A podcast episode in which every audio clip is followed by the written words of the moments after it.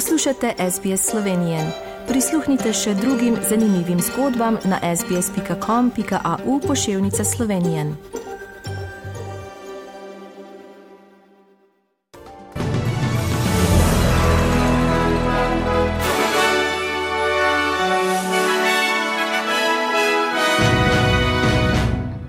Avstralske poplave katastrofalne.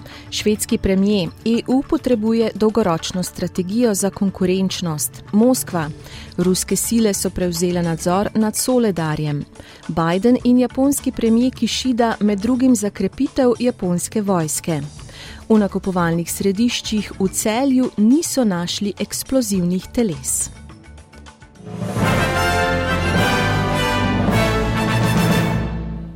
Po novih podatkih državnega ministerstva so poplave in druge naravne nesreče po vsej državi izbrisale 5 milijard dolarjev iz nacionalnega gospodarstva.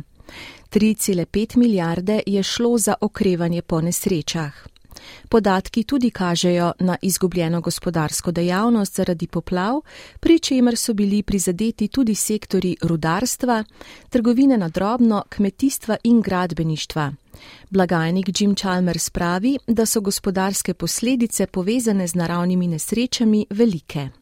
Even though we are rightly focused on the human cost of these natural disasters, which are becoming more and more frequent, there is a cost to the economy as well and a cost to the budget. We will, of course, be there for Australians impacted by natural disasters in the same way that Australians are there for each other. Evropska unija potrebuje celovito in dolgoročno strategijo na področju konkurenčnosti, je po včerajšnjem obisku Evropske komisije na švedskem povedal švedski premijer Ulf Kristersson.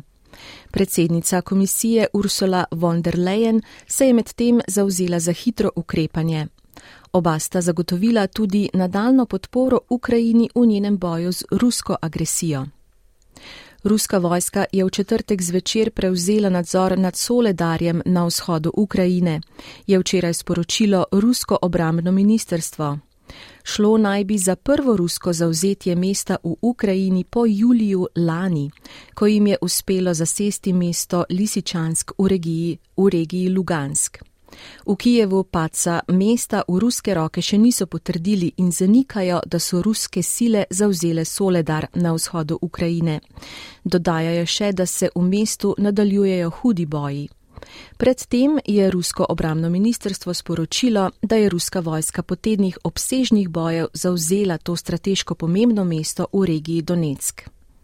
Ameriški predsednik Joe Biden in japonski premijer Fumio Kishida sta včeraj na pogovorih v Beli hiši med drugim izpostavila pomen okrepitve japonske vojske za ohranjanje stabilnosti v azijsko-pacifiškem območju, kjer napetosti naraščajo.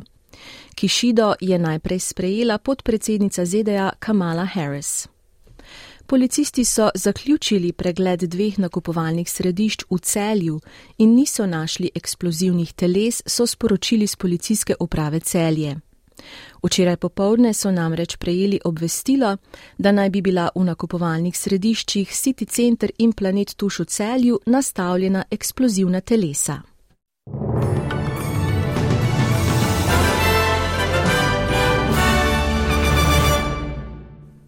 Poglejmo še menjalni tečaj, šport in vreme. Za en ameriški dolar boste odšteli en avstralski dolar in 43 centov, za en evro pa en avstralski dolar in 55 centov.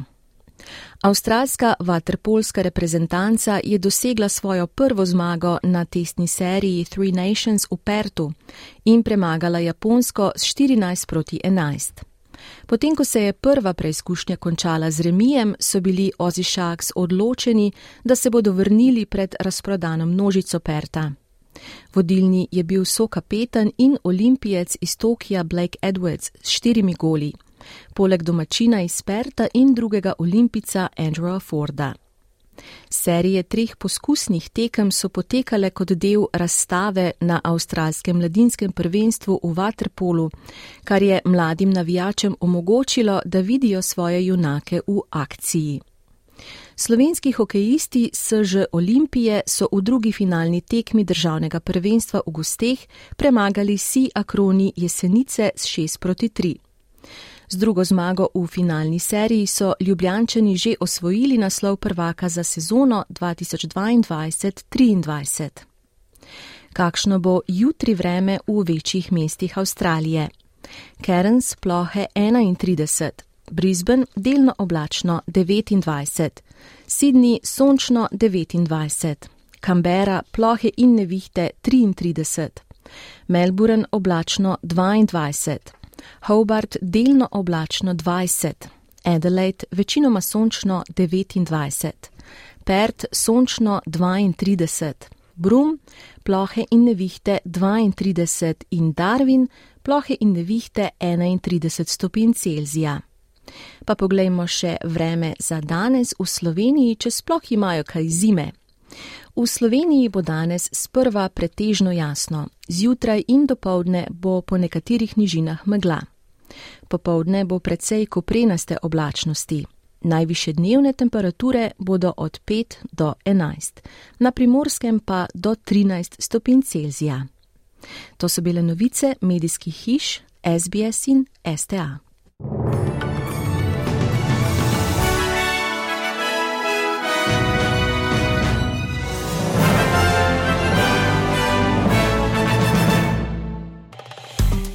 Slišati sorodne zgodbe? Prisluhnite jim preko Apple ali Google podcasta, preko aplikacije Spotify ali kjerkoli drugje.